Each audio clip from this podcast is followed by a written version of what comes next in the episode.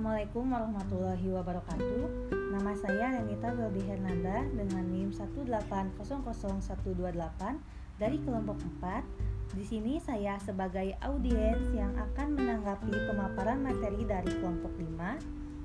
Dari pemaparan materi kelompok 5 mengenai proses keputusan inovasi, terdapat tiga model inovasi keputusan, yakni pengetahuan, persuasi, dan keputusan itu sendiri. Lalu, dalam proses inovasi terdiri dari tahap implementasi yang terjadi ketika seseorang menggunakan inovasi tersebut dan biasanya tahap ini digunakan sebagai tahap pencarian informasi. Lalu, ada tahap akhir implementasi dan yang terakhir ada penemuan kembali.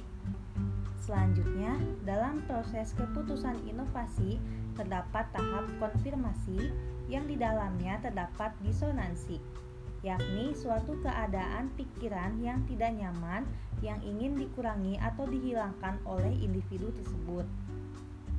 Lalu ada penghentian yang terjadi karena adanya penolakan dan yang terakhir ada bukti empiris atau bukti nyata yang tentu diperlukan pada tahap ini. Selanjutnya, dalam proses keputusan inovasi Diperlukan pula adanya saluran komunikasi. Saluran komunikasi sangat diperlukan karena berfungsi untuk pemahaman kita tentang inovasi tersebut. Saluran komunikasi ini merupakan sarana yang digunakan untuk menerima pesan dari sumber ke penerima.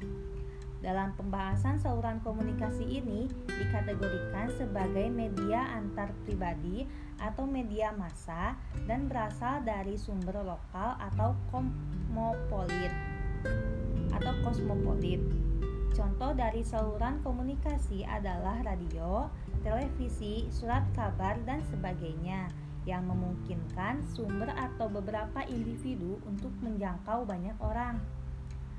Saya setuju dengan apa yang telah dijelaskan oleh kelompok.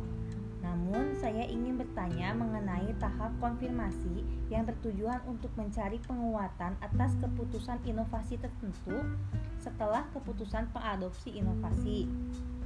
Nah, dalam tahap ini ada yang dinamakan dengan keadaan disonansi, yang berarti ini adalah suatu keadaan pikiran yang tidak nyaman. Dalam penjelasan dikatakan bahwa adanya pesan negatif dalam tahap konfirmasi ini yang dapat menyebabkan penghentian suatu inovasi.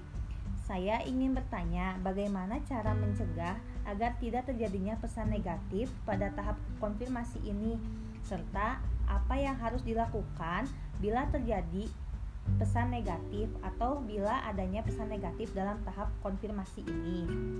Sekian dari saya. Terima kasih atas perhatiannya. Mohon maaf bila terjadi kesalahan. Wassalamualaikum warahmatullahi wabarakatuh.